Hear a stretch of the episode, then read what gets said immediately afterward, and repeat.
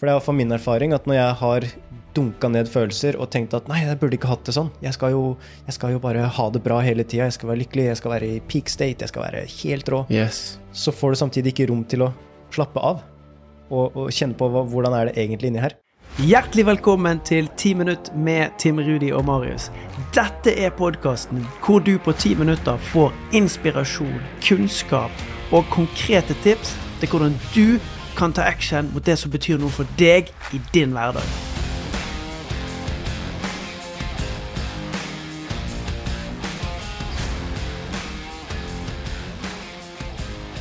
I dag så har jeg lyst til å snakke om en ting som, eh, ja, som jeg personlig har jobba veldig mye med, og som jeg også har fått en del spørsmål om. Og det er det her med å møte ting som er vanskelig. Ja. Kjenne på de følelsene når ting er vanskelig. Fordi at sånn som jeg har merka mye før, det er at når ting blir vanskelig, enten det er kanskje man mister noen, kanskje man får et avslag, kanskje det er noen som ikke går etter planen, så, så kan man få et sånt enormt behov til å unngå det. Og, og prøve å heller møte et ubehag, prøve å distrahere seg sjøl. Men det å møte de følelsene, det har ikke vært en naturlig respons for meg. Det er noe jeg har trent på masse de siste åra. Jeg har lyst til å bruke denne anledninga til å snakke litt om det. Hvordan kan vi møte følelsene våre mer, og kanskje gjøre det litt mindre skummelt? Fordi at eh, min erfaring er at jeg syntes det var kjempeskummelt når jeg ikke hadde noen kontakt med dem. Men jeg har lyst til å bruke denne episoden her til å snakke litt om det. Hvordan kan vi bli litt mer kjent med følelsene våre? Og ikke minst vokse på innsida, og også romme de følelsene som vi har. Mm.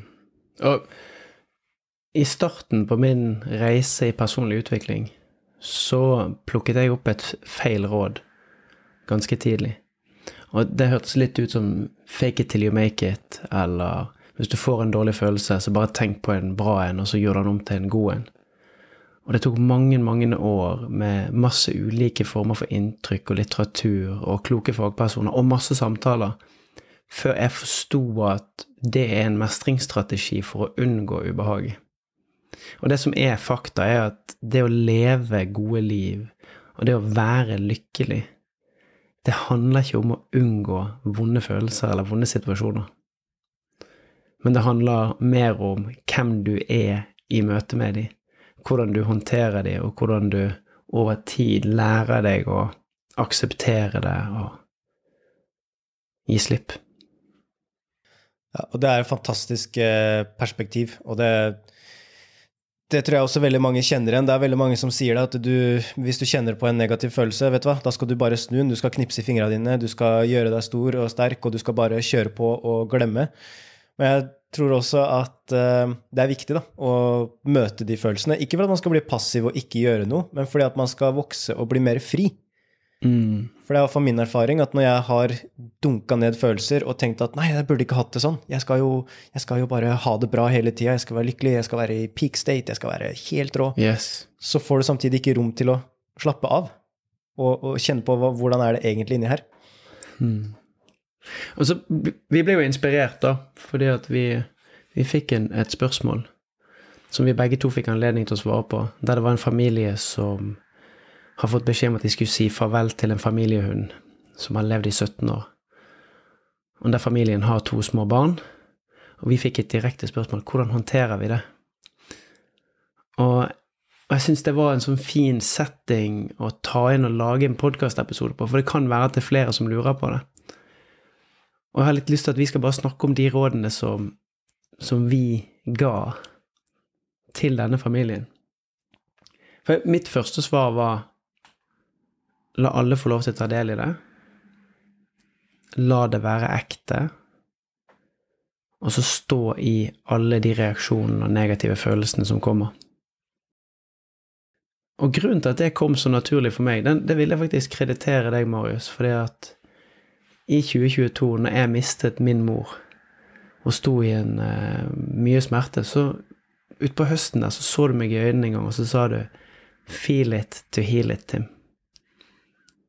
Du må tørre å gå inn i det for at du skal kunne føle det, og så seinere gi slipp. Wow. Ja, og det det er jo sånn, Jeg kjenner jo på det når jeg sier det til deg, for jeg vet jo at det er ikke sikkert at det er så himla enkelt. Og det er ikke noe vi prøver å si heller, at det her er enkelt. Men det er det å klare å romme de følelsene. Altså følelser er der av en grunn. Hvis du kjenner på sorg, hvis du kjenner på at noe er vanskelig, så er det faktisk en guide. Det er noe som prøver å fortelle deg noe. Og det er ikke tankene dine som sier at det her er akkurat sånn, men du har en følelse i kroppen din på hvordan det egentlig er. Og, og, det er jo det som jeg også syns var spennende, da, fordi i den samtalen som, som, vi hadde, så er jo det instinktivt det du velger å trekke fram. Men hvorfor tenker du at det er viktig å lene seg inn, være ekte, og så komme med de rådene? Eh, for jeg tenker jo også sånn, det, det, som mange tenker da, er sånn Oi, hvis jeg sier det her da, til f.eks. de som det gjelder, Tenk om de blir skuffa. Åh, tenk om de blir lei seg. Åh, jeg har ikke mm. lyst til å påføre de ekstra smerte. Og så har man lyst til å ta det egentlig vekk fra de som et instinkt, fordi at man ønsker at de skal ha det bra. Fordi man vil at de skal uh, ha det fint. Men mm. hvorfor den, anbefaler du da det motsatte?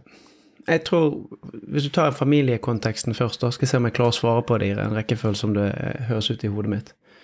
Når du har, når du har barn i familien, barna vil merke hvis du er falsk, altså hvis du ikke er ekte. Hvis du forsøker å overskygge det med at 'nei, men det her går bra', eller du skjermer de fra situasjonen, men egentlig går og bærer på det.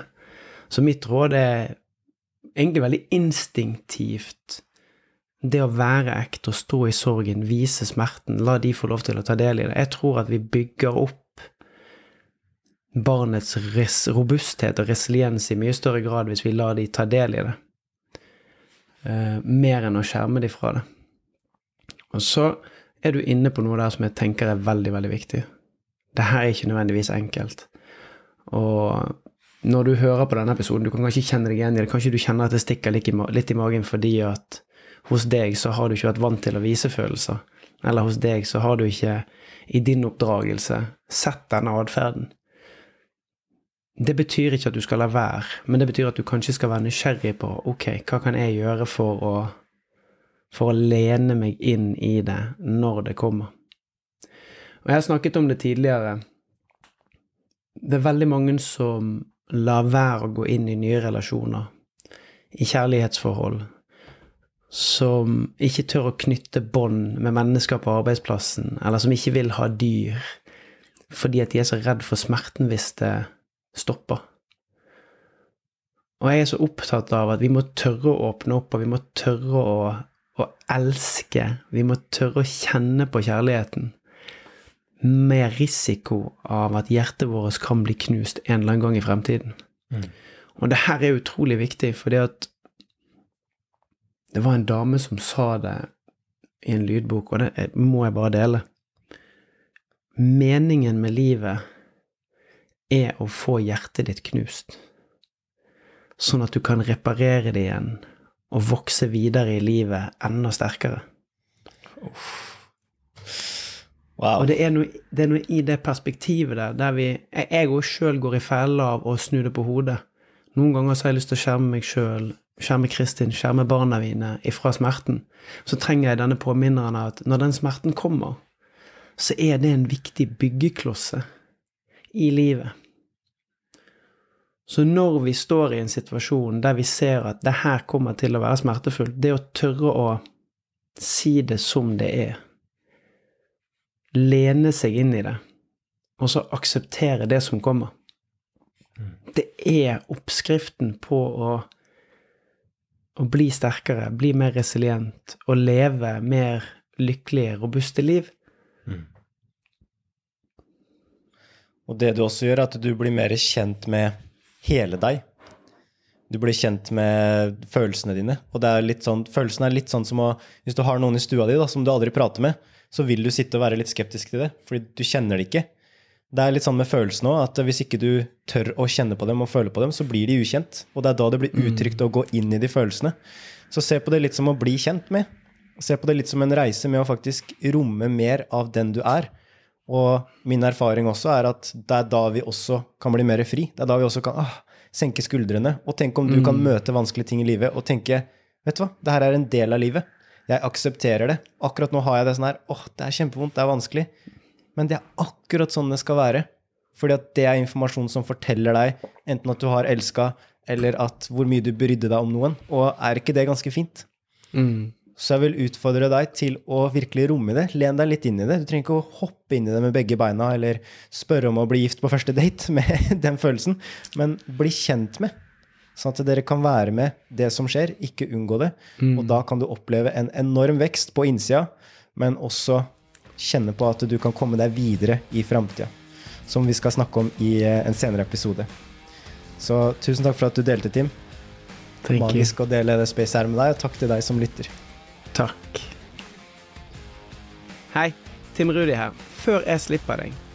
Hvis du syns at dette med tanker, og hvordan det påvirker måten du føler, og hvordan det har en direkte konsekvens på hva handlinger du tar, hvilken action du tar, og hvilke resultater du skaper, så vil vi invitere deg inn i appen og i communityet vårt på Heartmentality.no.